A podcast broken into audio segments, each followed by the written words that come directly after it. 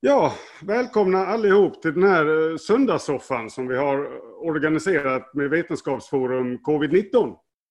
Och med mig i soffan idag har jag eh, Björn Olsen som av någon anledning har hamnat på fel sida av Öresund, professor i infektionssjukdomar. Eh, välkommen! Tack, tack. Inte Öresund utan eh, jag är faktiskt uppe i, i, eh, mellan Bottenhavet och Bottenviken där som kallas Norra Kvarken. Så jag befinner mig på en ö mitt emellan Sverige och Finland kan man säga. Trevligt. En sommarstuga? Japp, en ja, sommarstuga. På semester. Och det är lite dagens tema också, semester. Mm. Har pandemin tagit semester? Har stormen bedarrat? Eller är vi i stormens nålsöga? Jag introducerar Cecilia Naukler. Välkommen till Katalen, kanalen Cecilia. Eh, Cecilia är professor i mikrobiell patogenes på Karolinska institutet och eh, kan mycket om virus och sådana saker. Välkommen. Tack och sist men inte minst så har vi då Jan Lötvall, professor vid Göteborgs universitet i eh, luftdrivna infektionssjukdomar i, i Nej, nej. Allergologi, allergisjukdomar är jag professor i. Just det, och du forskar just nu på att eh, ta fram ett vaccin mot eh, covid-19. Jag har på eh, hela mitt liv och jobbat med astma och forskat med astma. Men de sista 10-15 åren har jag jobbat med nanobiologi och just nu har vi ett, ett nanovaccin kan vi säga som vi håller på att utveckla som fungerar på i, i vissa djurförsök. Ja, och för tillfället sitter du inlåst på en toalett någonstans. Och... Jag är på väg till min sommarstuga på västkusten så jag kommer vara ganska nära Cecilia som är också på västkusten. Ja, ja, mm. ja, och jag är utanför Mönsterås här med utsikt över Mönsteråsbukten på min familjs sommarstuga. Så vi är alla på semester. Men frågan är då, har viruset också åkt på semester eller har det liksom flugit sin kos? För det är många som man ser nu mortaliteten har gått ner, överdödligheten är helt borta. Och uh, uh, ja, det, det känns lite som att det värsta är bakom oss. Men är det verkligen det? Eller har viruset tagit en paus och kommit tillbaka i höst? Det är väl frågan egentligen på, på allas läppar. Jag kan börja. Ehm, jag tror inte att viruset har tagit någon semester. Det ligger liksom och lurar i vassen om man säger så. Ehm, det är nog så här att, ehm, att vi ser alltså skarpt sjunkande smitt och dödstal beror ju, eller framförallt smittalen, det tror jag bland annat beror på det att vi har Ja, dels att vi har semester, vi sprider oss mer, vi, vi har mer social distansering även om det inte funkar överallt. Men det, då ska vi ha klart för oss att det är bara en fraktion av Sveriges befolkning som har möjlighet att åka på ett eh, sommarnöje någonstans eller till en, en eh, sommarstuga. Utan i många områden så är det så att man har det man har och det är där man bor. Eh, så att det, det, är, det är lite mer komplext, det är en social, eh, sociodemografisk fråga också.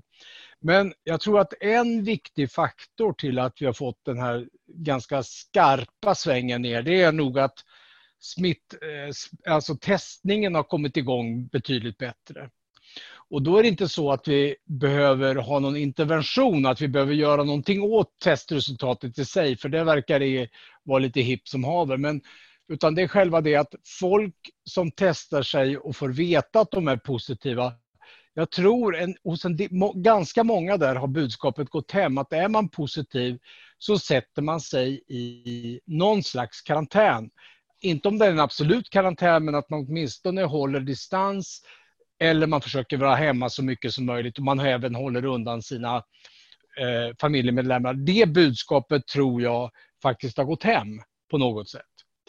Eh, så att jag tror att vi ser en temporär nedgång nu men att eh, det här kommer att... Eh, vi kommer inte få någon andra våg, men få nya utbrott under hösten när vi, när vi börjar liksom samla ihop oss igen. För att vi, det är inte på något sätt så att viruset, att vi har lyckats stampa ut viruset ur Sverige. Utan Sverige är trots allt ett av de få länder som har, alltså i Europa i alla fall, som har en fortfarande en hyfsat aktiv smittspridning. Oavsett om siffrorna har gått ner så har vi trots allt en, en, en, eh, en smittspridning. Så att jag tror att det kommer komma tillbaka. Det kommer att ge nya kluster, nya strängar av utbrott. Men det kommer inte bli det raseri det var under eh, under eh, våren här. Det tror jag inte. Utan det kommer vara i mindre omfattning. Definitivt. Jag ville bara snabbt visa den här kurvan från, eh, från USA som visar eh, Ja, de låg ju högt i april, men nu mm. skenar det iväg här i vissa stater i USA. Kan du, kan du kommentera det? Det ja, ser ut som en andra våg nästan. Men... Ja, det är inte en andra våg. De har inte ens kommit ur sin första egentligen, utan det är väl att det har flyttat till andra stater helt enkelt. Men efter de här stora utbrotten på östkusten och även i delar av andra ställen så, så, har, så har det liksom flyttat sig söderut. Ja, fast så de har ju öppnat upp nu. De har ju vissa stater som har, har stängt ner och sen nu öppnat upp ganska abrupt och det stämmer ja. ju ja, det... med det där plus att det är södstat, sydstaterna som... Jo, men jag tror att den stora spridningen just nu är ju the sunny states. Det är ju där nere i södern. Det är Florida, Louisiana, det är Texas, det är Arizona möjligtvis, också Kalifornien. Så det är de som ungefär som har luftkonditioneringsstaterna som vi säger som mm. som, eh, som sticker. Det är de som drar, det är, det är liksom själva motorn just nu tror jag det här och den uppgången också. Jag misstänker att det är så. Medan andra delar... har väldigt lite kunskap om just luftkondition. Ja, men jag, jag har hört ifrån andra delar av USA, exempelvis på amerikanska västkusten i nordöstra delarna, så, eller nordvästra delarna blir det, där har man ju väldigt, fortfarande väldigt lite smittspridning. Alltså det, det är fortfarande ganska lugnt där. Va? Så det, det, har helt enkelt flyttat på sig viruset. Och det finns ju fortfarande mycket brännbart virke att bränna av om man säger så. I form av, av människor som inte har haft det och eh, som är fullständiga targets. Och du ska också komma ihåg att det är exempelvis en, en sån stat som Florida där, där, där vi har en, en väldig kohort av äldre människor också. Där, där tror jag att det blir extra hårt drabbat.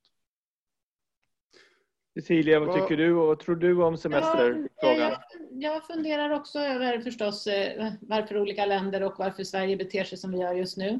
Man kan ju se att eh, antalet fall har gått ganska eh, markant ner efter ungefär midsommar, kan man säga efter midsommarhelgen.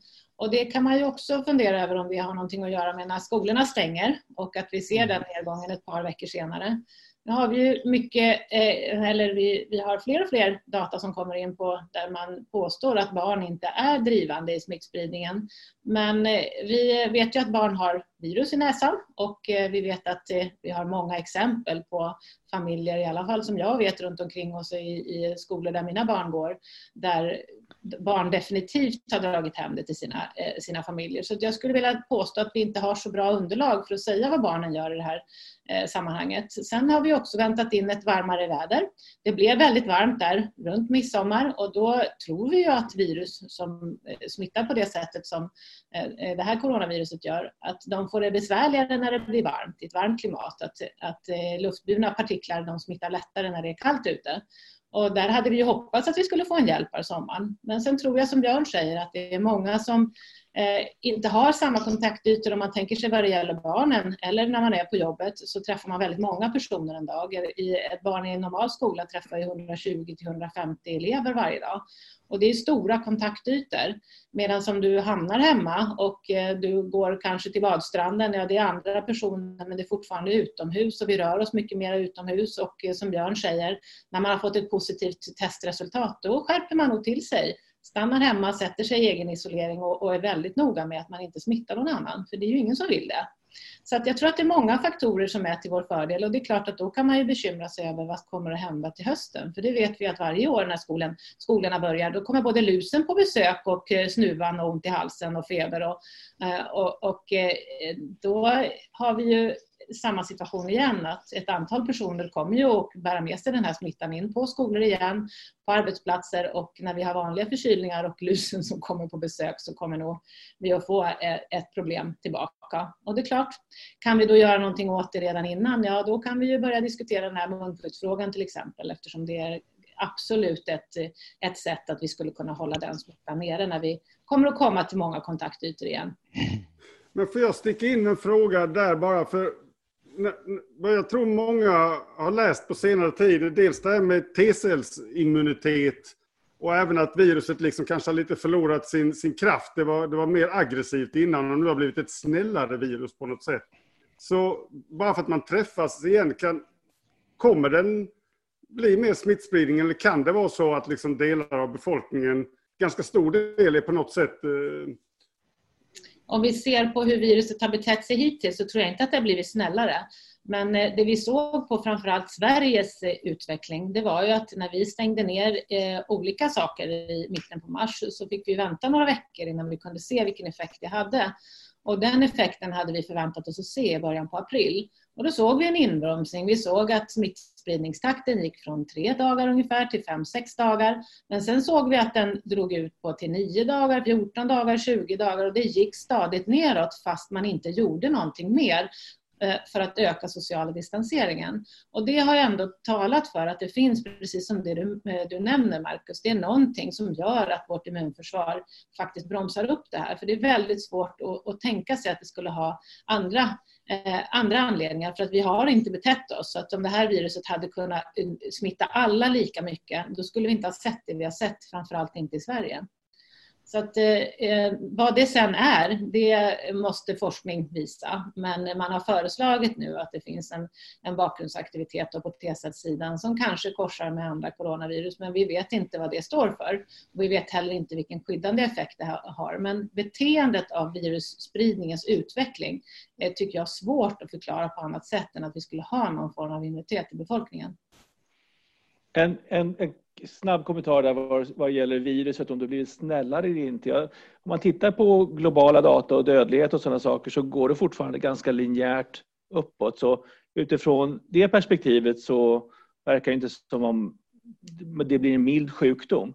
Nej, snarare skulle man säga att det finns ju en genvariant som är beskriven som är, är nog kanske lite mer aggressiv och det är den som har tagit fart mer i Europa och i, i USA. Så att, eh, Eh, men fortfarande, vi vet ju väldigt lite om det där och eh, jag tror ändå att det, det är som du säger, det fortsätter och sprider och man ser att siffrorna går upp men eh, det är få som har vågat göra det som Sverige faktiskt har gjort. Att man har gjort en halvdan nedstängning.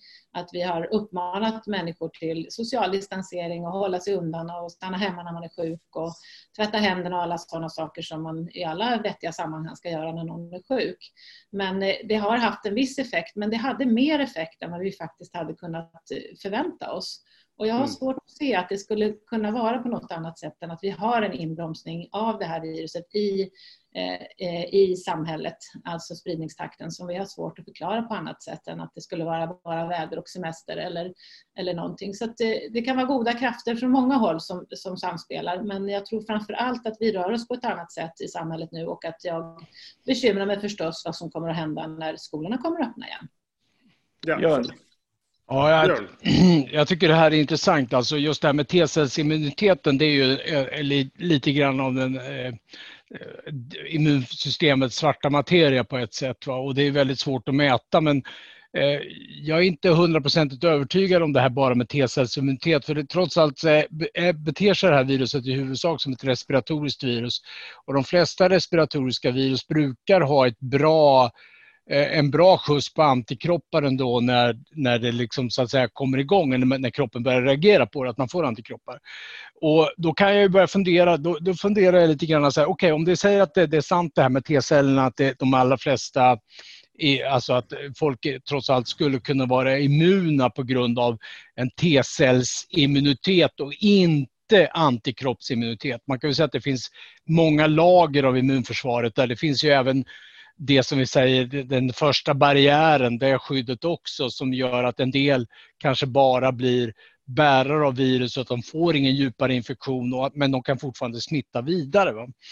Och sen har vi det här med, med antikropparna och så till slut då T-cellerna plus möjligtvis någonting annat ännu längre ner djupare nedgrävt i immunsystemet. Men jag, jag har svårt att få köpa det här riktigt för att när vi gör våra analyser om det här med T-cellerna skulle stämma, då borde det på något sätt vara samma typ av immunitet liksom lite överallt kan man säga. Och vi tar Stockholm exempelvis.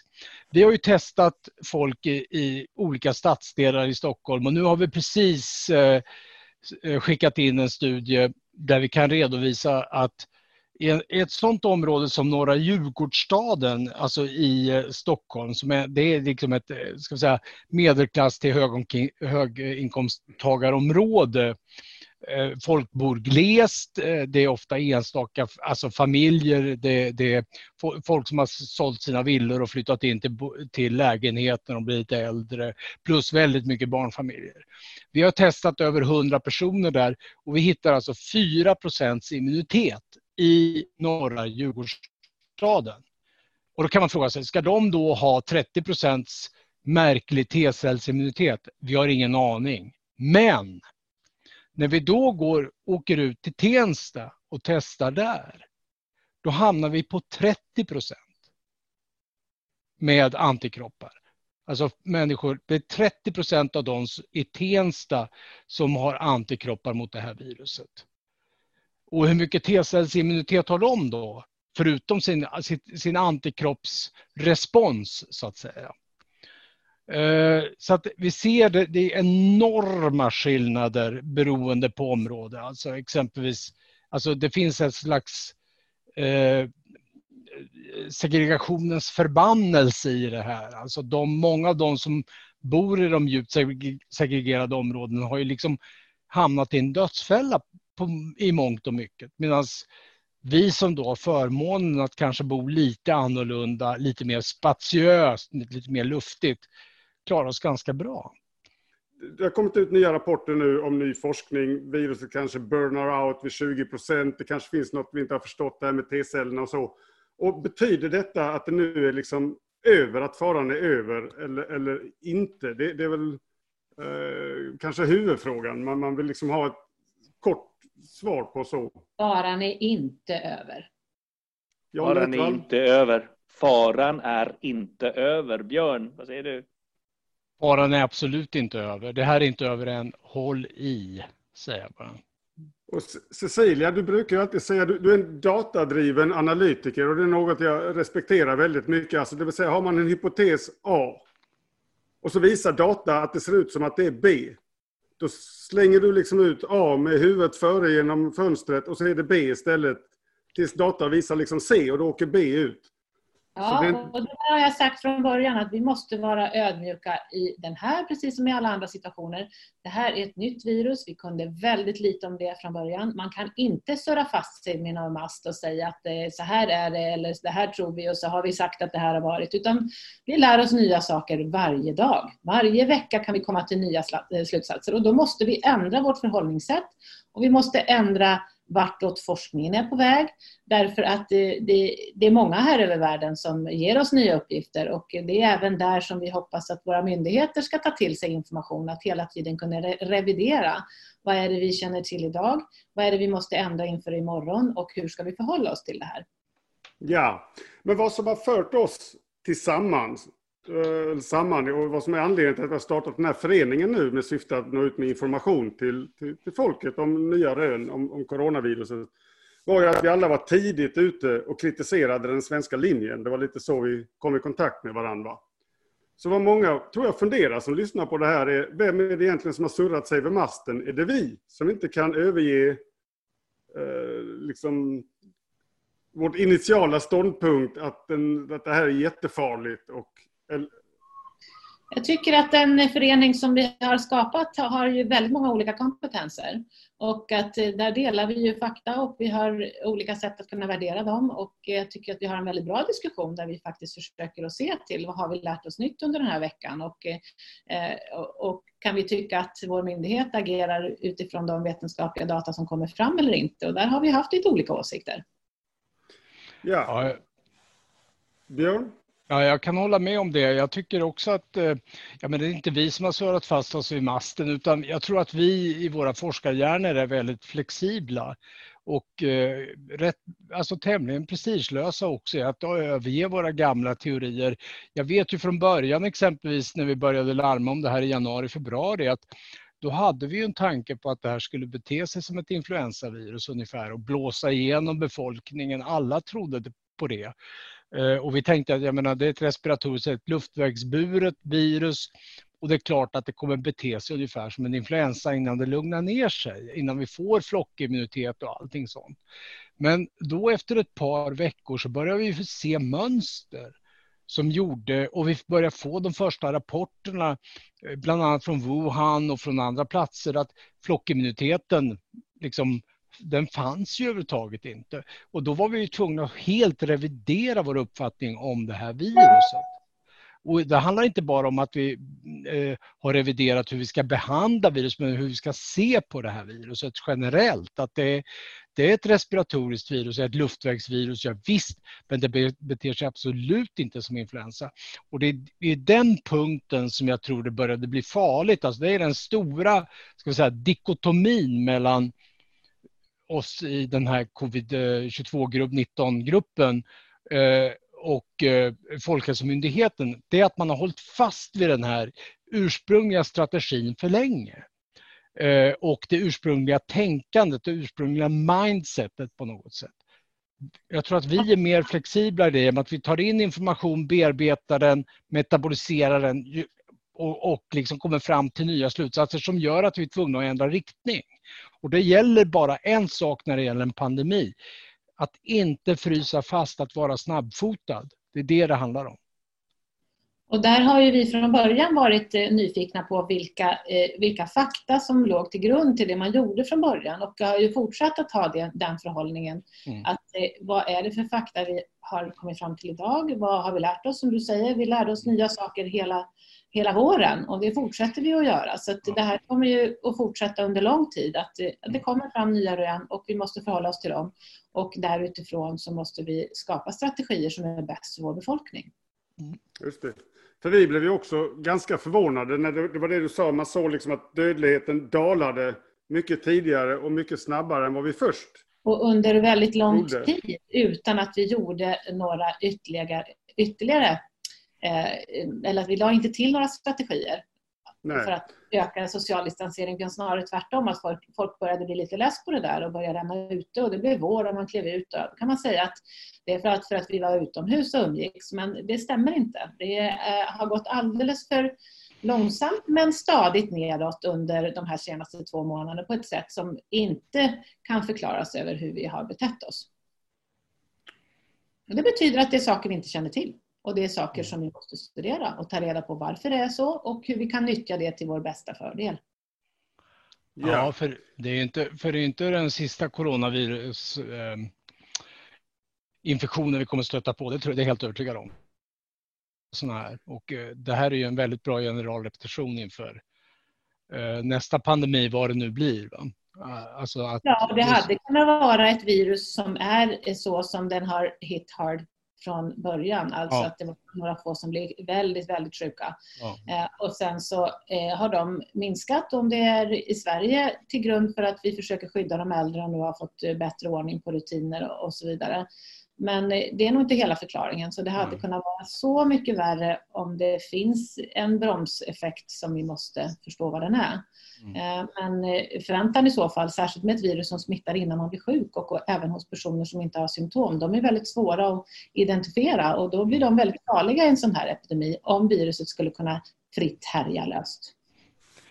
Jag, jag kan, man måste nog sätta upp ett varningens finger faktiskt för att under, under hösten, hösten här och vintern så kommer det hända saker trots allt. Det är en infektion som jag är helt övertygad över kommer, kommer att öka på grund av eh, coronaviruspandemin. Det är bland annat TB.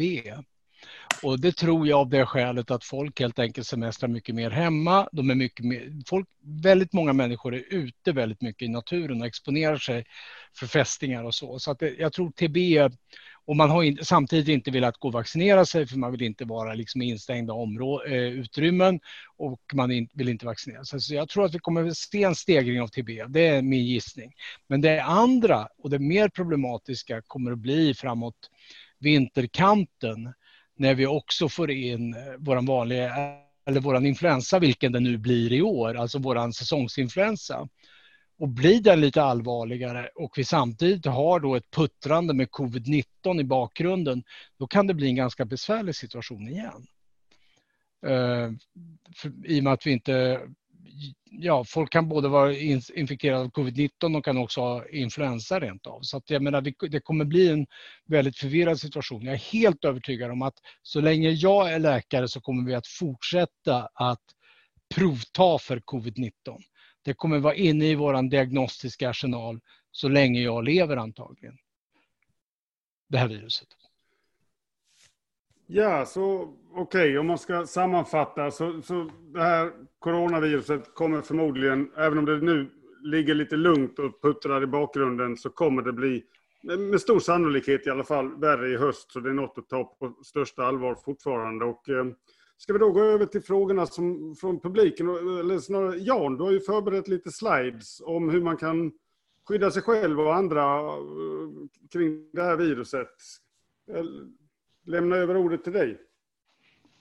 Uh, Okej. Okay. Uh, en, en fråga som uh, har florerat ganska mycket under de sista veckorna dagarna och veckorna det är om, om det här är en aerosolsmitta eller inte. Och det är till och med berömda forskare i Sverige som har ifrågasatt att det här är en aerosolsmitta. Och då måste vi förklara vad det är. Och det är skillnaden på droppsmitta och aerosolsmitta är ju att, att dropparna är mycket större, faller ner till marken, fastnar på dörrhandtag och sådana saker. Medan aerosolsmittan är sånt som är mycket, mycket mindre droppar och som kan flyga runt i luften och eh, andas in och så på så sätt orsaka infektion.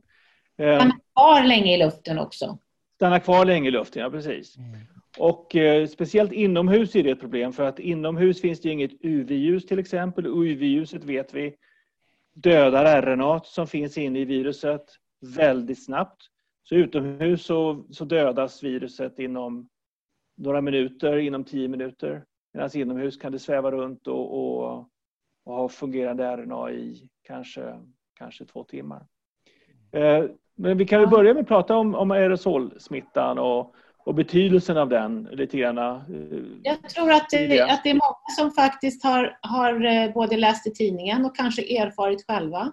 Eh, vi har runt i vårt område när vi gjorde testningar så hittade vi ett, ett tillfälle där det var en tjejmiddag på tio personer, ingen som var sjuk eller hade symptom när de satt på middag och tio av tio blev sjuka.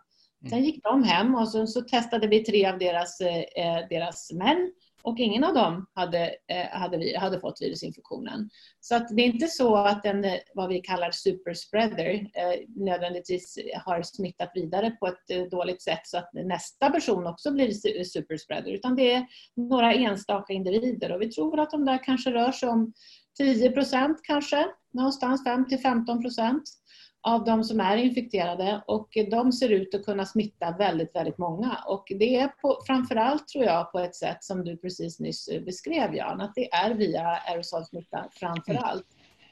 En, en, en, snabb kommentar där. Ja. Det är en sak som händer på tjejmiddagar och på körsång och på fotbollsmatcher som är gemensamt. Man är högljudd, ja precis. Mm. Man använder sina stämmor och det skapar de här små dropparna. Mm. Så det ja. hänger på något sätt ihop tycker jag. Vad säger du Björn? Ja, jag håller med om det. Alltså, det. Körsång har ju visat sig, det finns ju flera rapporter om det, att körsång är farligt. Man kan ju börja fundera också på blåsorkestrar. Eh, och gym man... har man visat, Sydkorea har ju en bra studie på det. Ja, på blåsorkestrar? På blåsorkestrar eller? Nej, på gym. På...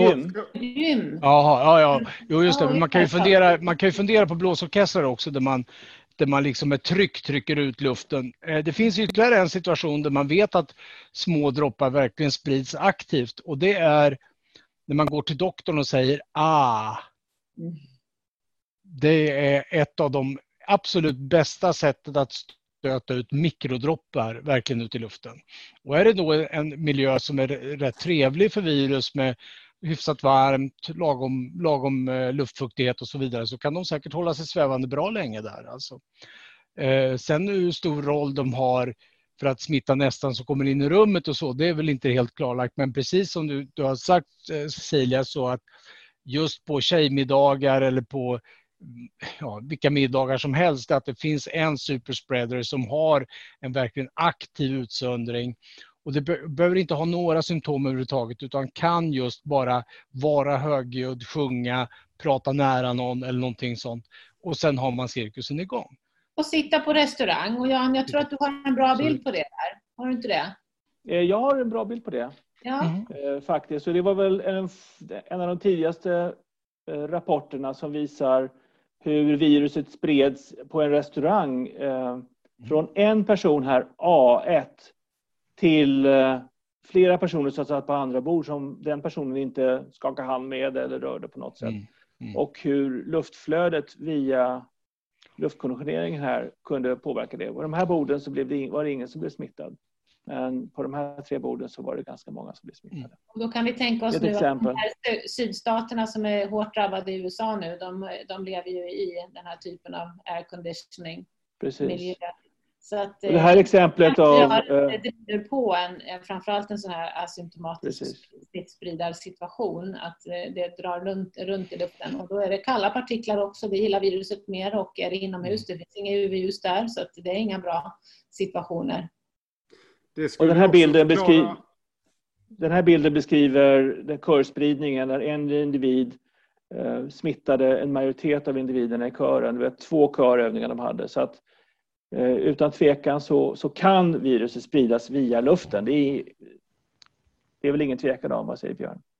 Nej, det, jag tycker inte... Det, man försöker liksom rationalisera bort det här på något sätt och säga att det bara är droppsmitta. Det är klart att det är en kombination av både och naturligtvis. Mm. Den enklaste lösningen är oftast den rätta.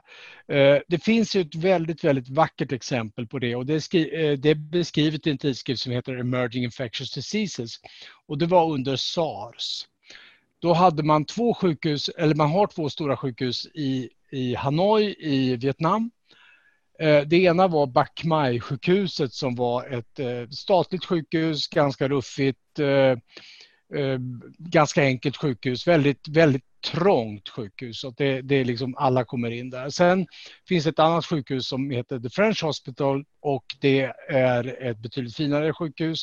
Där har man AC, där har man luftkonditionering, man har enstaka, alltså enskilda intensivvårdsrum i den här rapporten så beskriver de hur SARS spreds. Och eh, då finns det eh, den läkare, jag har träffat den läkaren, varit på det sjukhuset i Bach Mai, alltså Bach Mai-sjukhuset i Hanoi.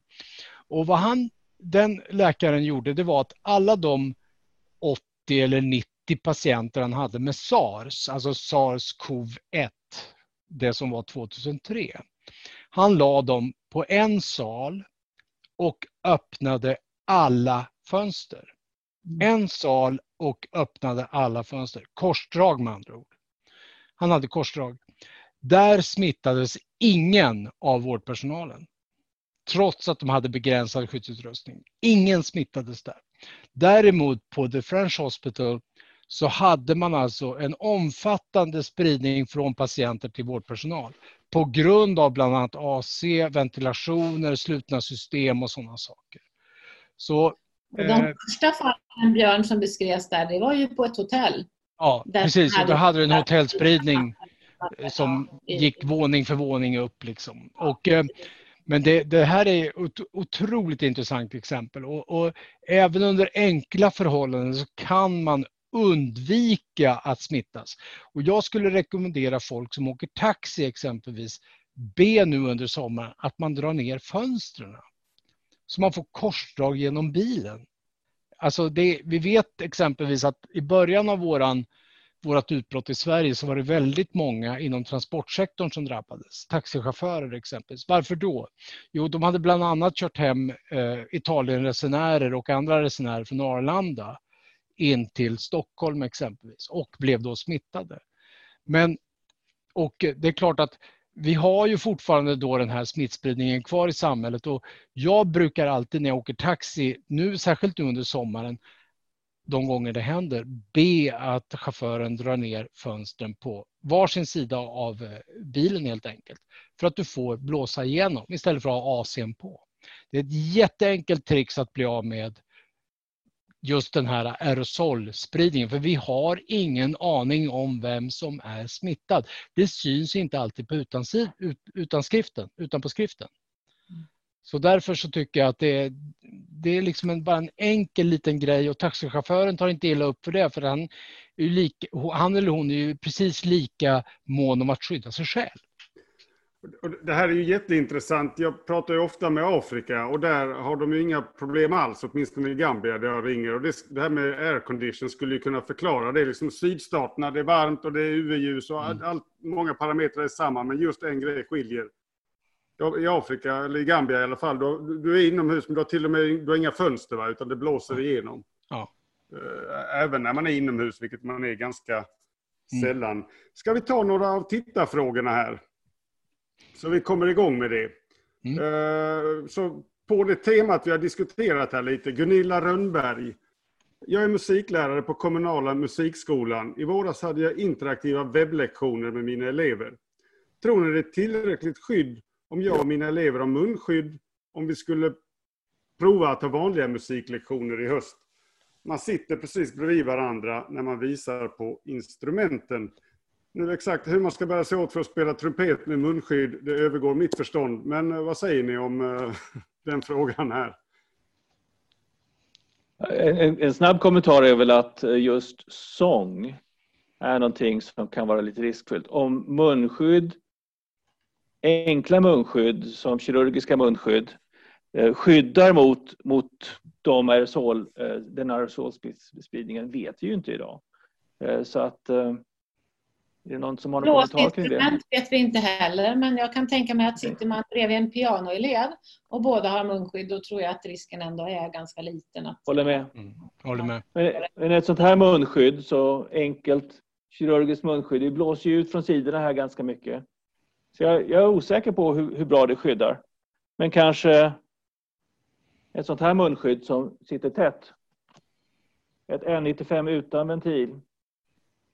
Eh, kanske skydda både den som bär det och den och de som... har ju använts flitigt inom intensivvården och där har vi haft väldigt få fall. Så att, eh, mm. jag tror att det är eh, beroende på vilken typ av munskydd man använder, som du säger, om det är den där typen av de, den tuffaste, eh, då tror jag definitivt att man är skyddad. Men det man har gjort studier på är även enklare munskydd där vi har ett antal lager av, av då, eh, ja, man säger 14-16 lager av, av bomull. Men allting kommer att hjälpa. Men det är som du säger Jan, det beror på vilket tillfället det är. Att ska man sjunga eller ska man ha sitt blåsinstrument då blir det kanske knepigt. Men har man en pianoelev och man sitter eh, en meter ifrån och båda har munskydd så tror jag att, att eh, smitt, eh, smitttillfället där skulle nog vara väldigt osannolikt. Mm. Men vi rekommenderar munskydd i de här situationerna helt klart. Ja, det tycker jag att man bör diskutera när skolorna ska komma tillbaka därför att då blir det väldigt stora kontaktytor på en gång med de som kommer in och, eh, och hade vi haft ett virus som alltid hade gett symptom, ja då kan man stanna hemma när man är sjuk. Men det är inte det vi pratar om i det här läget och vi vet inte vilka som är då supersmittspridare heller. Även om det kanske är färre av barn som är det än vuxna. Om man nu ska titta på de studier som vi hittills har sett. Men de är väldigt små så de är väldigt osäkra. Så jag tycker inte vi kan dra så mycket slutsatser kring dem än. Men, men jag tänker att eh, vi behöver göra allt för att inte hamna i den situation som vi var i i mars-april.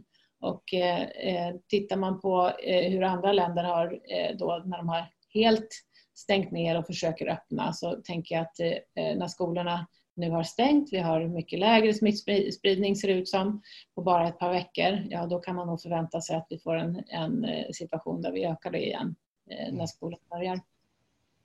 Men hur, hur är det med det där barn? De blir ju inte sjuka, eller i väldigt liten utsträckning, men, men kan de ha smittan och sprida den vidare, säg en, en 12-åring? Det har kommit flera studier nu, men det är små studier där man har tittat på barn i grupper i, som går i skolan och man har kallat dem då in, indexfall och sen har man följt dem och smittspårat. Och det har varit väldigt få fall där man har kunnat eh, bestämma att det skulle vara barnet som skulle vara smittspridare. Eh, jag har runt omkring mig dock i bekantskapskretsen flera exempel på konfirmerade fall där barnen har startat eh, infektionen i familjen och sen har alla blivit sjuka men de har blivit sjuka till väldigt olika grad. Och det har till och med varit situationer där någon i familjen inte alls har blivit sjuk. Så att, att barn inte kan sprida smitta, det säger jag, det är inte möjligt. Men sen till hur stor andel det gör det på en hel skola, det har vi inte studerat. Vi hade ju utmärkta möjligheter att kunna göra det i Sverige, men det har man tyvärr gjort det ännu. Men jag hoppas att man kommer att kunna göra det i höst. Mm. Det verkar som att Björn... Ja, du är kvar här ja. Vad säger du Björn? Håller du med? Jag håller helt med. Alltså, jag har absolut ingen eh, vidare åsikt kring det här utan jag tror att det, det, det, är så här otroligt dynamiska processer och är det så att vi börjar samlas igen oavsett om det är to, eh, tonåringar, barn eller vad det nu kan vara. Vi har inte helt klart för oss vilka som är motorer i den här spridningen. Vi vet ju att unga vuxna exempelvis, det vet vi är en motor. Men vilken roll barn, det är precis som du säger Cecilia, det har gjorts jättefå studier på det. Och det mest uppenbara är ju det mest uppenbara misstaget kan jag säga, det, det, är väl att vi inte har gjort studier i Sverige på det här.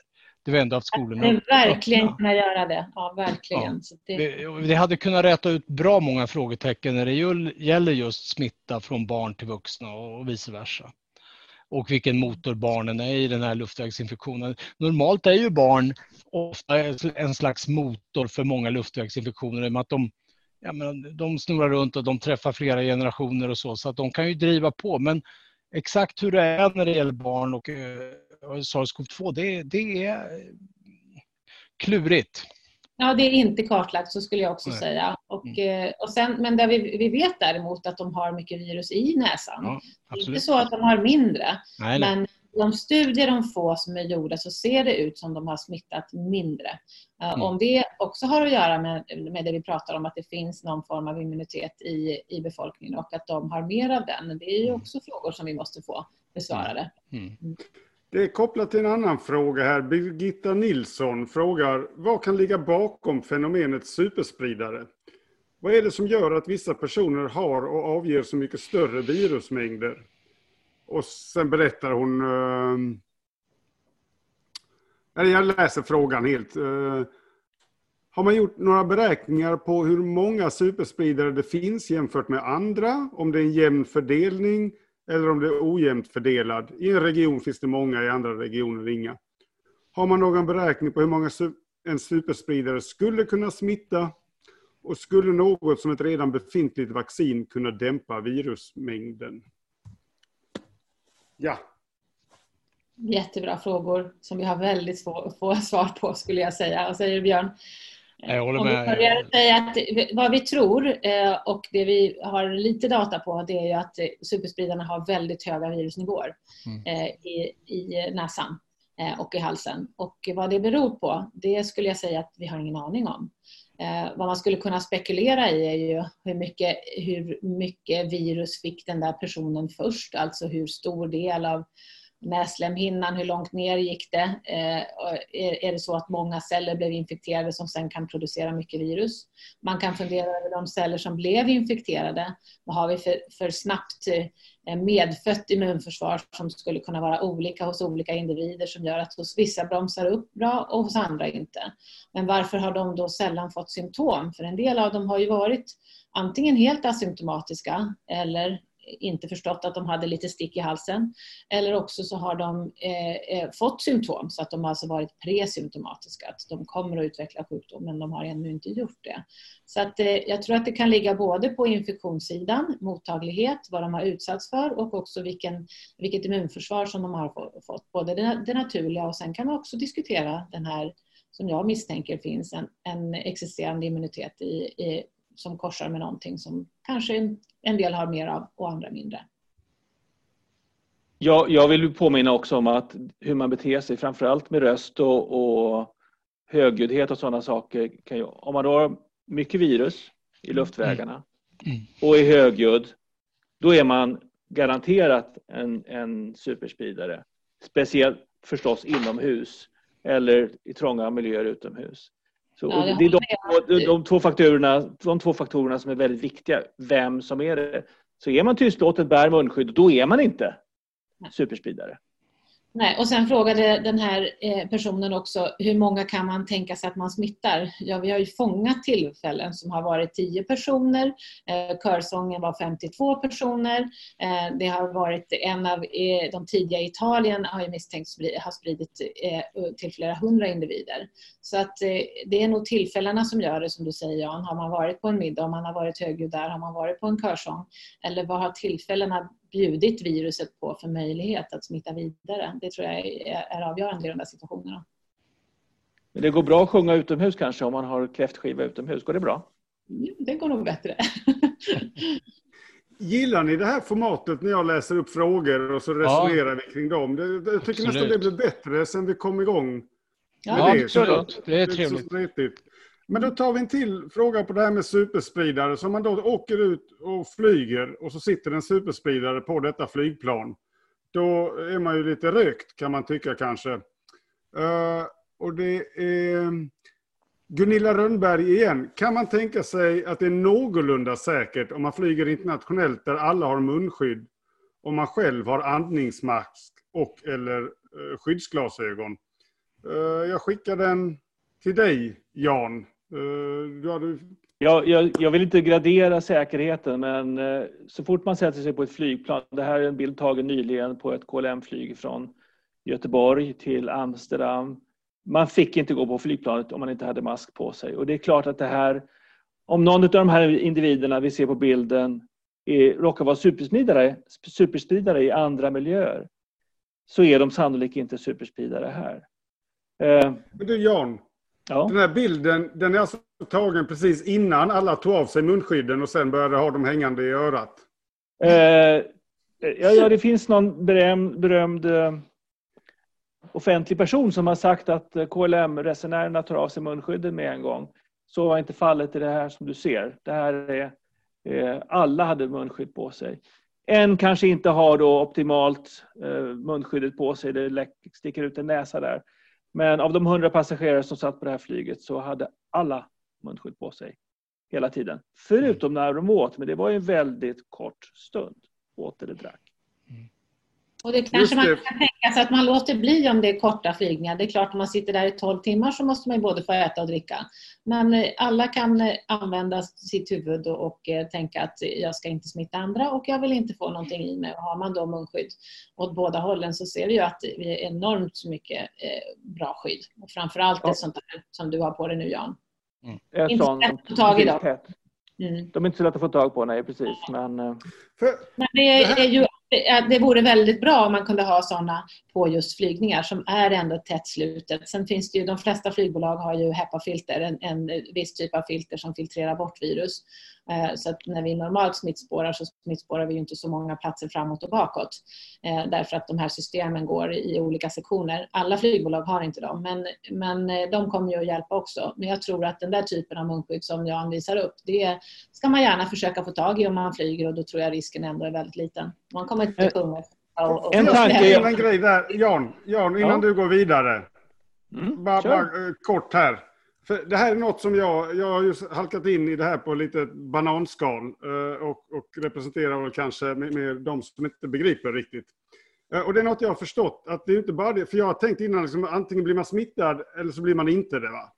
Men så är det inte, utan det, det är hur mycket stor dos av viruset man får påverkar dels om man blir sjuk och hur sjuk man blir och så. Så att det är liksom inte binärt att antingen fick jag det och så, och så är jag körd eller så fick jag det inte alls. Va? Utan så, Nej, det är nog väldigt klokt att försöka få på sig så lite virus som möjligt. Ja, mm. Just det. Då kan man säkert få en mildare sjukdom och då kommer det här att gå bra. Det ser vi ju att 80 procent av de som får sjukdomen får milda symptom och 40-50 procent tror vi står för den här asymptomatiska smittan. Så att den stora andelen av befolkningen som kommer att bli sjuka kommer att få milda symptom. Och ju, eh, och ju mindre virus vi får på oss, desto, eh, vi tror ju att det ändå har en koppling till hur sjuk man blir. Mm. Mm. Jag har tre nivåer av skyddsutrustning som jag tänkte visa er nu och så får ni kommentera Cecilia och, och Björn. Börja med kirurgiskt eh, munskydd sånt här. Bättre än ingenting. Bättre än mm. ingenting. Mm. Skyddar, sen, eh, skyddar mot eh, skyddar att sprida vidare ganska bra. Ja, ja man har väl räknat på ungefär 50 procents skydd mm. om, du, om du har på en sån. Ja. Så lägger vi på en sån. Ja. Bandana. Mm. Blir det bättre då? Ja, det blir det. Det tror jag. Absolut. Mm. Nu kommer... Nu kommer. Om man bara, bara bandana? Alltså det behöver ju vara ett antal lager som man pratar om. Man, man, det man har utvärderat är då 14-16 lager i, i, i då textilen och vem ska kunna kolla, hålla, hålla koll på det. Men allt filtrerar upp så allt är bättre än ingenting skulle jag säga. Ju mer ju bättre. Så har jag en sista nivå som är lite udda så. Det är den här. Om man lägger på den. Ja, den skyddar ju framförallt mot den här droppsmittan som du pratar om. De här dropparna som kommer när man pratar. En del, eh, en del sprider mer droppar än andra beroende på hur man pratar. Och, och de där använder ju eh, de kloka mottagningarna i sjukvården i alla fall för att en smittspridare inte ska kunna. Men det, jag tror att den hjälper väldigt lite mot en aerosolburen smitta. Så att en supersmittspridare har inte mycket nytta av det där. Och jag vet inte vad du säger Björn om just glasögon eller visir vad det gäller mottagningen av infektioner. Jag tror att det framförallt är till luftsvägarna. Ja, ja, absolut. Jag tror även om det skulle finnas möjlighet att ta sig in i ögonen så är det nog ganska begränsat ändå. Utan det är nog luftvägarna och framförallt de övre luftvägarna. Ja, om du har virus på händerna då ja. kanske gnuggar i ögonen eller pillar i näsan. Det är sånt vi vill att man ska undvika. Men just luften ja, tror jag men... inte ögonen är, är en stor väg in. Det tror jag inte. Nej, nej, nej, nej. Det tror jag inte heller. Utan det är att man är och pillar helt enkelt. Det tror jag. Eh, så att det, det, det, det, viktigaste, jag menar, vi vet att de här receptorerna för viruset, alltså mottagarcellerna, mottagarstrukturerna på cellernas ytor finns ju framförallt i övre luftvägarna och i tarmarna, märkligt nog i tunntarmen. Det är ganska lite av de här mottagarstrukturerna på cellerna som viruset kan haka in på, så att säga, som finns i de nedre luftvägarna. Där har vi hittat väldigt, väldigt lite sådana här strukturer på, på cellytorna som kan plocka in. Och det är mycket, mycket märkligt då att det ger en sån kraftig inflammation i just de nedre luftvägarna. Det är väldigt märkligt. Det är en av de stora gåtorna när det gäller det här viruset. Sen, det, den receptorn som du tänker på är AC, eh, AC2. Ja, precis. Och den finns ju i kärl, så när man väl har fått infektion mm. som går in i blodet. Ja, då är det en annan sak. Då kan det sätta igång och spridas. Ja. Och det är det som är, är lite läskigt. För då ja, man blir riktigt absolut. sjuk. Då blir man riktigt sjuk. Och det är som att det, det går, det liksom på något sätt till skillnad från influensa så verkar det liksom kunna smita runt en del strukturer och ta sig in på det här sättet mm. som du beskriver, att det tar sig in i blod i de små kärlen och så vidare i lungorna och luftvägarna. Och, eh, så det, det, det, är så mycket som skiljer från influensa. Det, det är helt remarkabelt faktiskt. Vänta, vänta nu. Får jag lägga in här? Så man kan alltså vara sjuk i covid-19 men inte ha det i blodomloppet och så kan någon annan vara sjuk ja. i covid-19 och ha det i blodomloppet. Så det finns liksom olika sätt man kan vara sjuk i covid-19 ja, på. Absolut. Och har, du, har, du, har du det i blodomloppet då, då är man Eh, Eh, då har man det ganska besvärligt måste man väl minst sagt säga. För att då är det risk för att du får en spridning till övriga organ i kroppen. Förutom att du får just eh, mikroproppar i de små, små fina kärlen i lungorna. Det är därför bland annat man har den här eh, tysta syrgasbristen i blodet för man får små mikroproppar så att du kan inte få det här vettiga gasutbytet och blodet kan inte ta upp syrgasen.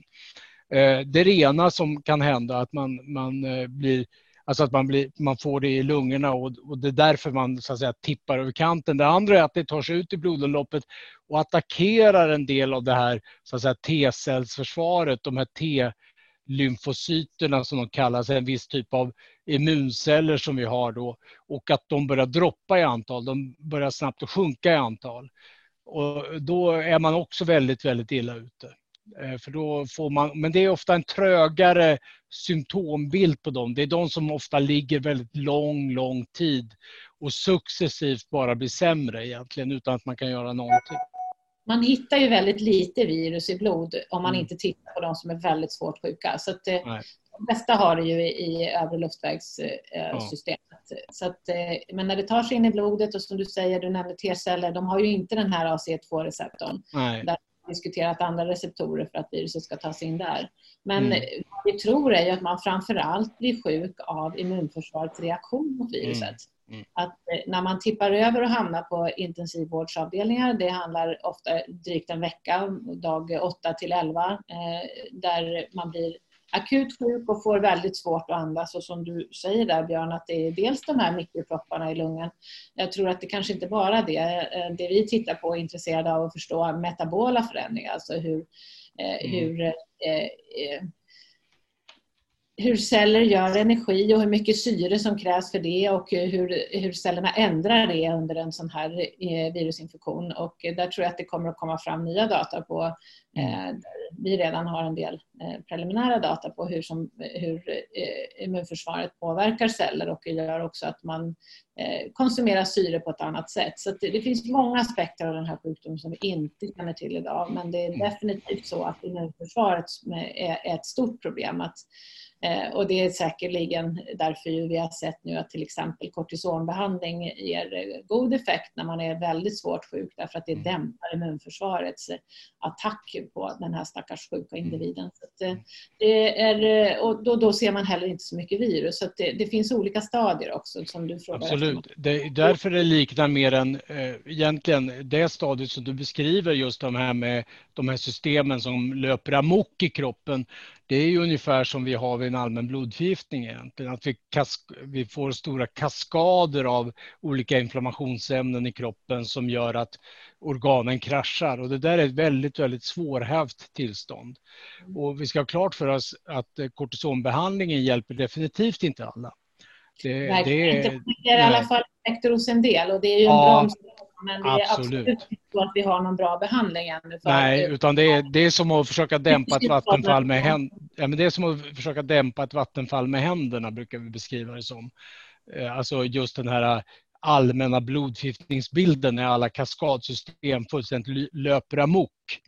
Och det är otroligt svårhävt. Och, ja, att eh, inte ha någon avstängningsmekanism för det mm. där. Sen har vi ju fokuserat väldigt mycket på de här svårt sjuka personerna. Och jag tycker ja. vi ändå kan ta upp att det finns en stor grupp idag som enligt mm. Novus, och sen vet vi inte hur stora växlar vi kan dra det. Där har ju 260 000 eh, svenskar idag rapporterat symptom i mer än 10 veckor. Mm. Och nu har man ju eh, formellt gått ut och sagt att man ska titta på de här långtidssjuka och de har ju eh, bildat egna grupper på Facebook mm. och de mm. är verkligen en grupp som vi inte vet vad är det för fel på dem?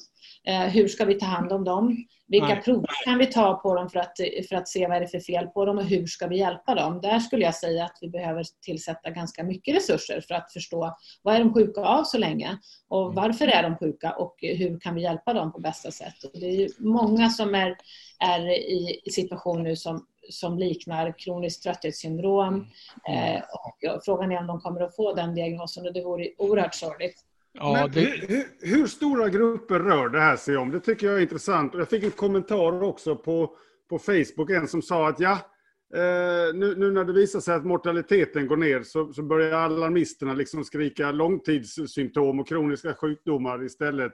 Och så var det också med sars, det första sars-viruset. Och sen visade det sig att det där liksom bara var, var falskt alarm. Så är det här falskt? Hur många rör det sig om? Har man någon idé om liksom... Man tror att det är ungefär 10 procent av de som blir sjuka som får långtidseffekter just nu. Eh, och de, eh, de blir ganska många eh, i samhället och vi vet inte vad, vad, vi ska göra med dem och vi vet inte hur vi kan hjälpa dem på bästa sätt. Så jag tycker att det är en mycket bekymmer, bekymmersam grupp och eh, många är väldigt sjuka. Jag skulle säga att de är sjuka på lite olika sätt så det finns nog olika anledningar till att de också är sjuka. En del visar sig positiva under väldigt lång tid. Många har feber under väldigt lång tid medan en annan grupp mera utkristalliserar sig som att de är väldigt, väldigt trötta. De har hjärtklappning, de har eh, ont i huvudet, de har ont i kroppen och de ser lite annorlunda ut och de är sällan viruspositiva. Så jag tror att det kommer att vara två olika typer av sjukdomar också. Men, men, men alltså det här är ju resultat av, ett, av att vi faktiskt har haft ett, ett omfattande utbrott i Sverige. För att vi, det finns ju flera andra virusinfektioner som ger i princip samma typ av bild. Du, du håller ju bland annat på med en sån eh, virusinfektion, CMV, cytomegal virusinfektioner och även det som ger körtelfeber som liksom trycker ner folk i träsket verkligen under lång, lång tid. Och även influensa. Och även influensa, ja precis. Men till mindre grad influensa skulle jag säga än eh, mm. de andra infektionerna. Så det här beter sig lite apart. Men nu är det ju så pass många ändå som har blivit smittade. Och det är precis rätt som du säger tror jag eh, Cecilia, att vi kommer få en grupp människor nu som kommer ha något av en parallell faktiskt till det här med narkolepsi till, alltså nu var det inte ett vaccin som var inblandat i det här fallet utan det är en sjukdom som är inblandad i det här fallet. Men vi kommer få en, en grupp människor som vi måste lära oss att hantera i sjukvården. Mm. Och de måste vi lära oss vi ganska snabbt. Ja. Ja, vi måste förstå varför är de sjuka. Ja, precis. Och även om, vi inte, även om vi aldrig någonsin kommer att förstå varför de är sjuka så måste det finnas copingmekanismer tidigt inom sjukvården som liksom fångar upp det här innan det drabbar dem dubbelt upp. Dels har du sjukdomen i sig, men du har också de ska vi säga, psykologiska effekterna runt omkring också. Att du har varit sjuk i covid-19 och det kan bli ett, själv, alltså ett självspelande piano på ett sätt. Jag håller på väldigt mycket med en grupp av kroniskt sjuka människor. De som uppfattar sig ha eh, långvariga fästingburna infektioner efter fästingbett. Va? Och, eh, Eh, även om vi inte hittar någonting så är de de facto sjuka. Och den här gruppen kommer att dyka upp som en ny grupp och jag är övertygad om att många mottagningar framöver kommer undra hur man ska hantera de här patienterna. Eh, jag har en fråga här från Birgitta Nilsson dock om hur man ska agera tidigt i sjukdomsförloppet som individ. Hon säger så här. Eh, I många länder lägger man in även milda fall på sjukhus, både för att sätta in tidig behandling och för att vi inte ska gå runt och smitta. Många länder i väst gör det inte och vissa läkare i Sverige har beklagat sig över att många väntar för länge innan de kommer in. Eftersom en dålig syresättning kan ske successivt, bla bla bla. Så, um, ja, så raddar hon upp argument för att det kanske vore bättre att gå in så tidigt som möjligt. Vad, vad tänker ni om den frågan? Hur ska man agera som privatperson om man misstänker att, att man har fått det här? Ja, sjukvården har inte resurser att ta emot dig, så vi börjar med att det är precis där, egenvård hemma. Det vi ser när man kommer in till, till sjukhus, precis som du säger, om man kommer för sent, är att man, eh, man väldigt ofta är intorkad, man har druckit för lite. Så man måste, man måste få i sig vätska, man måste få i sig vad vi säger elektrolyter, sånt som man får på Resorb. Man måste få i sig socker och, eh, och salter. Eh, mat förstås också är bra, men eh, man, man eh, måste framförallt få i sig vätska, för det ser vi hos många patienter som kommer in. Sen när man får svårt att andas, då behöver man hjälp med syrgas och det behöver man få på sjukhus. Sen när man väl kommer dit så behöver man också hjälp, de patienter som läggs in idag, där vill vi inte att de ska bilda de här små propparna i lungor och i hjärna till exempel. Så att de får ju profylaktisk behandling, alltså förebyggande behandling eh, mot att de ska få eh, proppar. Ja. Mm. Eh, jag hittar inte din fråga Fredrik som du nämnde. Kan du säga vad den heter, personen? Gud, det kommer inte jag ihåg, men ta någon annan om du vill så letar jag upp den här. Jag, får, jag bara, får jag bara komma med en kommentar? Ja. En allmän kommentar. Och det, jag tycker det är rätt under de här sex månaderna, det har ju varit en, en, en, märklig resa vi har genomgått allihopa. Vi har ju lärt oss massor om en helt ny sjukdom och någonting som var näst, ja, otroligt abstrakt fenomen. Och jag tänker också när man tittar tillbaks på eh, vi har, vad vi har gjort och inte gjort så att säga och hur pendeln har svängt under de tidiga faserna av den här. Och jag tänker på hur, hur ofta vi har haft fel egentligen. Vi har haft rätt i stort när det gäller vissa grundläggande drag. Att man måste vara mer på tå, att myndigheterna måste vara mer framåt och mer aktiva än vad svenska myndigheter har varit. Man har ju haft lite grann av en laissez-faire-teknik, alltså låt gå eller vi ska, det ska svepa igenom som en influensa och så ska det här vara över. Och vi har ju alla dragits med i det där, liksom beroende lite grann på hur dagsformen har sett ut och framförallt under de tidiga faserna av den här pandemin. Jag tittar tillbaks på några sådana här klipp idag ifrån vad man hade uttalat sig om. Och jag, märkligt alltså hur många gånger vi har haft fel. Vad tänker du på då, Björn? Ja, jag tänker är, mer... det här? är det vi eller är det myndigheten? För jag Nå, bo, alltså, my, ja, myndigheten har ju haft fel rakt av kan man väl säga. Men även vi som, eh, som har hållit på eller som har intresserat oss särskilt för det här har ju gissat ganska fel många gånger också. Vi har ju gissat på att vi skulle få en pandemi naturligtvis. Men jag kommer ihåg att jag uttalade mig någon gång i Aftonbladet i slutet av januari trots att jag tidigare sagt att jag tror att det här blir en pandemi. Hur jag liksom plötsligt backar ifrån det där och kanske var det trycket utifrån att man skulle backa och sa att ja, vi kanske får några, eftersom vi har myndigheter som vi litar så mycket på. Eh, förstår ni vad jag tänker? Så det gjorde du vi... också. Ja, jag gjorde det också, precis. Och då tänkte jag så här att ja, jag tror att vi kommer få fall, men vi kommer nog få ganska få fall i och med att myndigheterna kommer att agera. Och det var det som eh, gjorde mig så förbryllad på något sätt. Det har ju varit en resa att gå igenom det här på något sätt och, och då se hur, man, jag själv kan säga då att ja, jag tror på att myndigheterna verkligen kommer att agera och vi kommer bara få några få fall. Visst är det märkligt?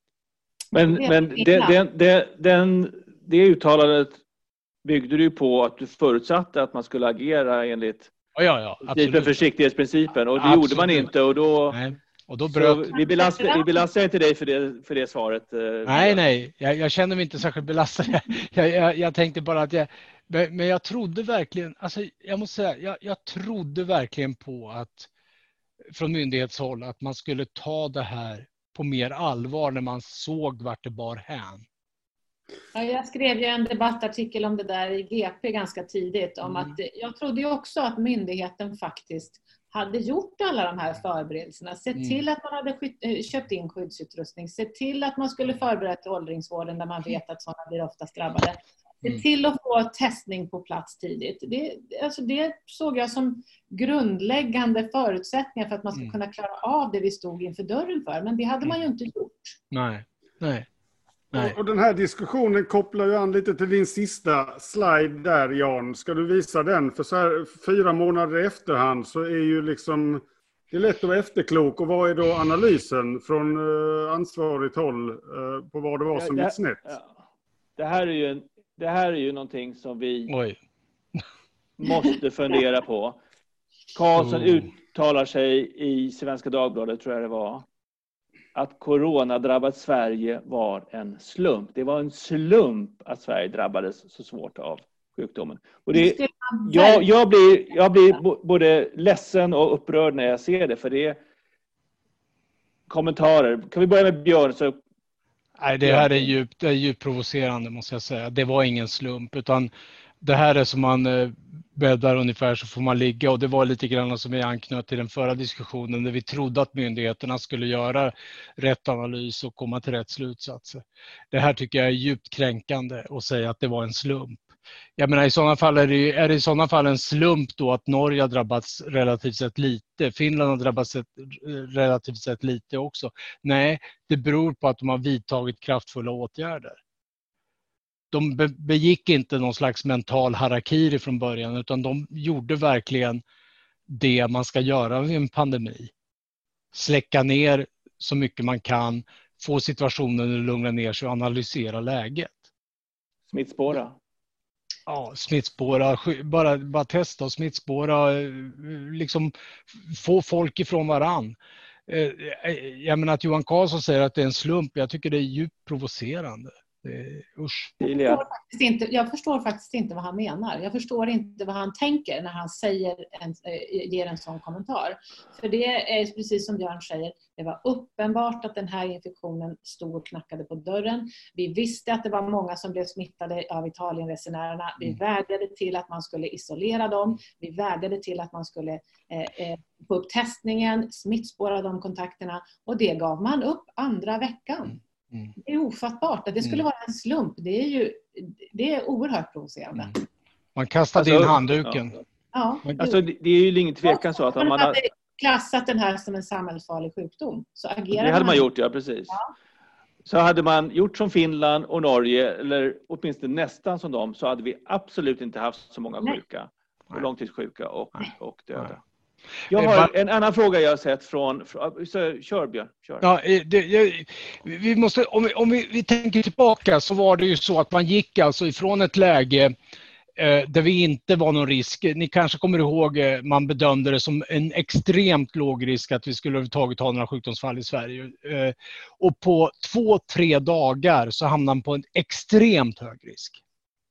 Förstår ni dynamiken i det från att man bedömer det som en otroligt låg risk och jag vet det var Anders Wallensten som sa att det här var en väldigt låg risk att vi skulle, de bedömde det så. Och så plötsligt så går det upp till, bara på några dagar, till en extremt hög risk för samhällsspridning. Och i samma ögonblick i princip så kastar ju eh, eh, smittskyddsläkaren i Stockholm in handduken. På ett par dagar i början av mars. Vad jag tycker var väldigt märkligt där, jag fick ju liksom information direkt från, jag har en kollega som är italienare från ja. Lombardiet, så han berättade mm. för mig. Och vad jag upplevde där var att man liksom höll inne på information. Det var inte förrän 16 mars man gick ut och sa till de äldre att, att och, då hade vi redan liksom en ganska bred smittspridning, att man sa ja. till de äldre att ni måste akta er här. Min mm. farmor var helt ovetande som det. Och det är också märkligt att man inte direkt går ut med information till befolkningen. Ja. För de som, så att man kan göra ett medvetet ja. val att skydda sig eller välja att inte göra det. Det var ju för att man ansåg att det där skulle gå över. Jag menar Tegnell sa ju till och med att det här kommer att vända på torsdag. Ja, det ja. vände inte på torsdag. Nej. Så var det ju. Men uh, om vi då ser framåt. En, en, en, en följdfråga. Ja, precis. En följdfråga som, som jag har sett om jag inte vet om det finns en fråga. Det är, nu har vi många, många fler smittade i Sverige än vad som finns i Finland och Norge och Danmark mm. till exempel. Mm. Betyder det att vi har en större risk att ha en mycket svårare situation till hösten än vad Finland, Finland Danmark och Norge har? Ja. Eftersom vi har fler smittade. Ja. Istället för flockimmunitet som man har spekulerat i. Ja, det, flockimmunitet är en illusion, tror jag, tyvärr. Jag tror ni... Vi är en sämre situation till hösten. Än... Ja, ja. Oh, ja. Oh, ja. Vi kommer ha många fler att ta hand om. Och det handlar inte bara om akuta fall, utan vi börjar även få de här, precis som Cecilia var inne på, eh, vi kommer säkert få en anhopning av människor som kommer söka till infektionskliniker exempelvis, eller till vilka mottagningar som helst, just på grund av långvariga coronabesvär. Där de är, alltså, har varit hårt drabbade. det är en ganska stor kohort faktiskt. Det är, de är inte, jättemånga. Och vi vet de inte är jättemånga, vi vet inte exakt. Och det finns också många, många i släptåg där som anser sig också kunna ha haft det, så att säga, som kanske inte har haft det. Så att det kommer att dra med sig, det kommer få liksom kaskadeffekter. Dels har vi det och sen har vi också, också att vi har ett sämre smittläge i Sverige än vad vi har i de andra nordiska länderna. De har en betydligt bättre utgångspunkt, baslinje, än vad vi har. Melbourne stänger nu ner i sex veckor efter 200 fall. Vi har mellan 700 000 fall per dag. Mm. För där är det nog många ute på bygden som inte är så insatta kanske, läser lite tidningsrubriker här och där, som tänker precis tvärtom. Att nu när vi har haft så pass bred smittspridning och så läser man lite om T-cellsimmunitet och kanske någon dark mm. matter-immunitet och så vidare. Att, mm. Ja men vad skönt, och kanske det värsta är bakom oss, att det här är liksom bra. Att mm. vi har det vore ju jättebra om det är så, men vi har ju faktiskt ingenting som, som säger att vi vet det. Och då är det ju så att vi vill ju inte agera som om det skulle vara så, därför då kan vi verkligen skjuta oss i foten. Vi måste fortsätta att agera enligt mm. försiktighetsprincipen tills vi har lärt oss hur det här fungerar. Helt rätt. Jag håller med helt 100 procent och jag hade verkligen önskat att vi hade en, en monumental flockimmunitet. Det hade ju varit fantastiska nyheter. Och att det här bara upphörde, boom. Men, eh, Men så är det inte. Nej. Definitivt inte mot det här viruset. Vad vi sen har för något annat som hamnar i bakgrunden, det måste vi ta reda på. Det kan vara väldigt viktigt.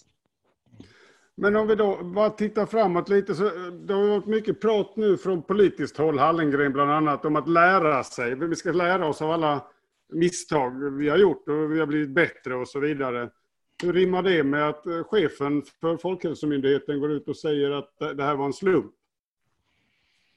Ja, de är väl kanske inte nödvändigtvis sammankopplade, men jag vet inte hur mycket vi har lärt oss. Det är klart att äldrevården, det var en debattartikel ute idag i tidningen där, eh, där sju stycken chefer inom åldringsvården verkligen säger att de blev ju hårt drabbade och har blivit anklagade för saker som de faktiskt inte hade kunnat hantera. Och det var ju för att inte överheten hade sett till att de hade möjlighet att hantera det. Så att, ja, det är klart att de har hunnit lära sig men eh, vi har fått sådana här saker på banan och några saker gör vi ju bättre idag än vad vi gjorde tidigare men det finns definitivt saker från vetenskaplig litteratur som vi skulle kunna göra annorlunda redan nu och ett av dem är den här munskyddsdiskussionen. Mm. Ska vi gå till den då? Det här är en fråga precis här framför mig på skärmen. Uh, vet ni några direkta bevis på munskydds påstådda skadlighet? Från Björn Lindström. Det finns väl inga studier på det, utan det där är väl mer en känsla, eh, mer något, en slags mantra man för fram ifrån Folkhälsomyndigheten. Man har ju tittat lite grann på munskydd och Eh, det vet jag, jag har, inte, jag har läst någon studie där, där man tittar på antibiotikaresistenta bakterier bland annat, hur man kan föra det med händerna till munskydd och så vidare och fram och tillbaka. Men det förutsätter ju att alla människor som har munskydd verkligen inte tänker efter. Alltså jag menar, och idag, de som bär munskydd på grund av covid-19 har sett effekten av det. Jag tror man ska, det, det, ska nog ganska mycket till ändå för att man ska vara uppe och pilla på de här munskydden och, och, det, och därmed utgöra en spridningsrisk.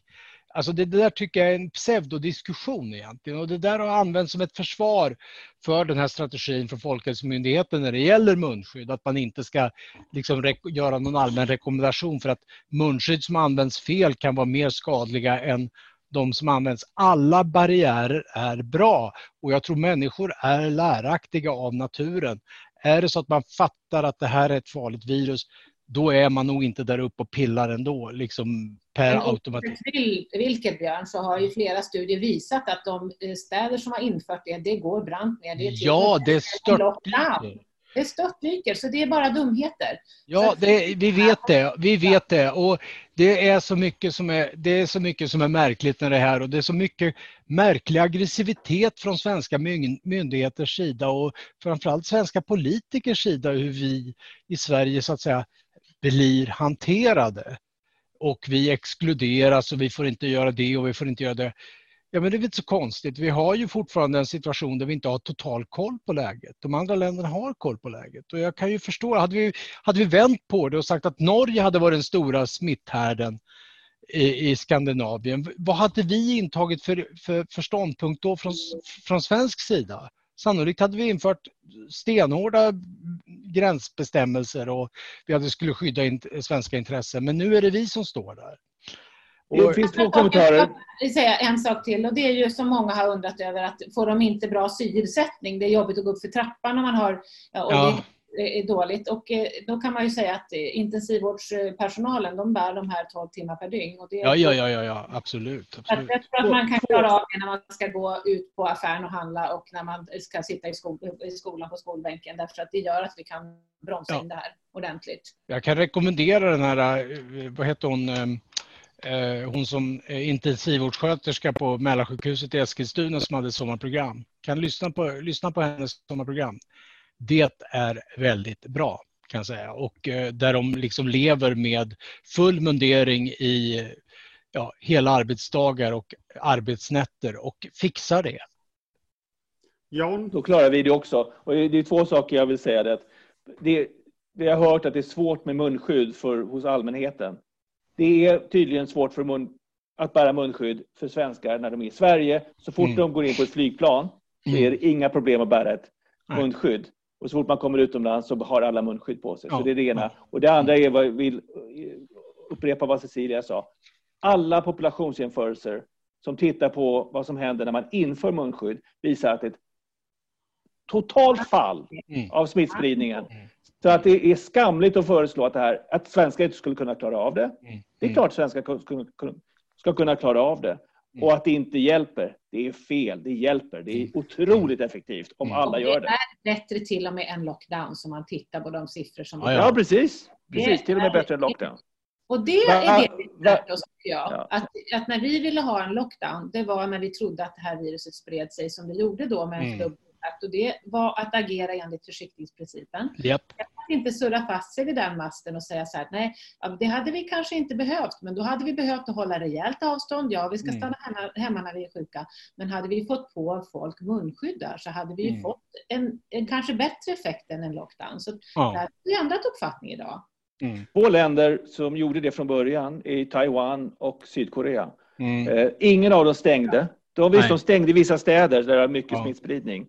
Men resten av samhället, munskydd överallt i kollektivtrafik och affärer och så vidare. Och så vidare. Mm. Ja, just det. Så, det, så det är ju viktigt att säga. Så, så, Taiwan, de har haft skolorna öppna hela tiden.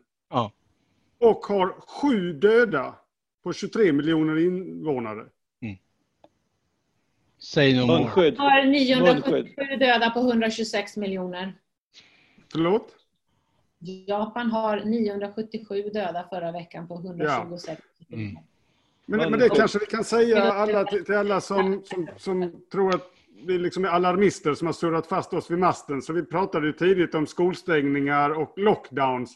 Ja. Och det är väl inte vårt budskap nu, utan det har vi nyanserat efter att vi har lärt oss. Ja, absolut det, det, blev inte den absoluta katastrofen vi befarade och tack och lov för det. Och, och därav så kanske en full lockdown inte det vi rekommenderar i nuläget. Men det som är viktigt i ett sådant sammanhang tycker jag för framtiden som Björn redan har tagit upp. Det här kan vara generalrepetitionen för någonting som är, är så farligt det här hade kunnat vara. Mm. att när vi löser och knäcker frågan till varför det här viruset har betett sig som vi inte trodde, tror jag, återigen, det har att göra med någon inbromsningseffekt som vi ser. Hade vi inte haft den, ja då hade kanske alla kunnat bli lika sjuka som de som har legat på IVA. Mm. En sån situation är oerhört förstås farlig för hela samhället och för varenda individ. Och det visste vi faktiskt inte. Vi stod inför en situation där det såg ut som att det kunde bli så och då måste man agera efter det. Mm. mm. Och att utsätta befolkningen på det sätt som man gjorde för den här smittan tidigt, det var oacceptabelt tycker jag. Mm.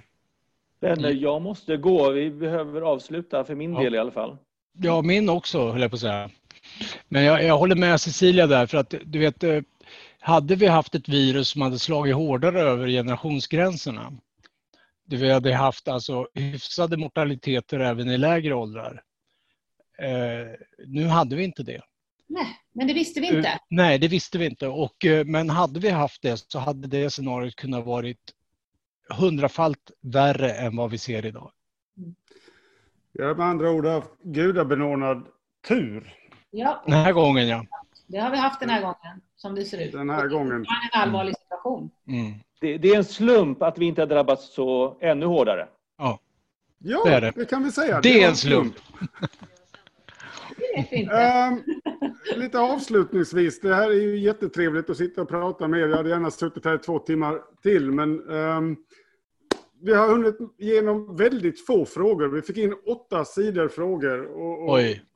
Ja.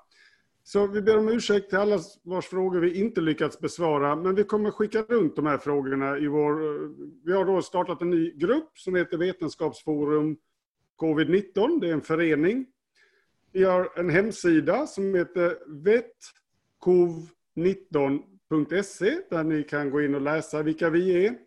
Och vi har åtminstone en målsättning att kanske komma med skriftliga svar på några av de frågor vi inte har tagit upp här idag. Det är en målsättning. Om det blir så får vi se. Men i alla fall så kommer den här hemsidan uppdateras kontinuerligt och vara späckad med information rörande covid-19 och Eh, angränsande teman. Och eh, vi tänker oss också att vi är tillbaka, kanske inte exakt vi fyra, men några av oss nästa söndag och diskuterar nya teman. Ska vi avsluta med att ta laget runt och så ställer var och en, eh, förlåt, tvärtom. Var och en kommer med ett tips. Vad är dagens tips hur vi ska bete oss här under vår sommarledighet? Vi börjar med John Lutvar. I say no more. Alltid inomhus på affärer och kollektivtrafik. Alltid. Cecilia? Fortsätt att vara lika duktiga och eh, hålla avstånd. Träffa inte för många nya kontakter. Eh, håll er utomhus och precis som Jan säger, inomhus. På med munskydd när du går och handlar i trånga utrymmen, kollektivtrafik. Och förstås, på flygplanet får du inte kliva på om du inte tar på det. Björn? Ja, men, eh, de två föregående talarna har ju precis sagt det jag tänkte säga, så att jag håller bara med. Munskydd på inomhus i trånga utrymmen, absolut. Och håll distans. Det är barriärer vi ska skapa oavsett om det är i meter eller med någonting för munnen. Det är det som skyddar. Ja, som då är sist på varvet här tycker ju då, jag har alltid talat mig varm för att folk ska använda munskydd när de solar på stranden. Alltså tänk vad roliga gubbarna skulle se ut. Ja, man kan använda dem så här också kanske. Det är så Folkhälsomyndigheten har gjort. Ja, man måste få skratta lite också. Tack så jättemycket allihopa, det var jättetrevligt. Tack allihop. Fortsatt trevlig söndagkväll. Tack, ha det bra.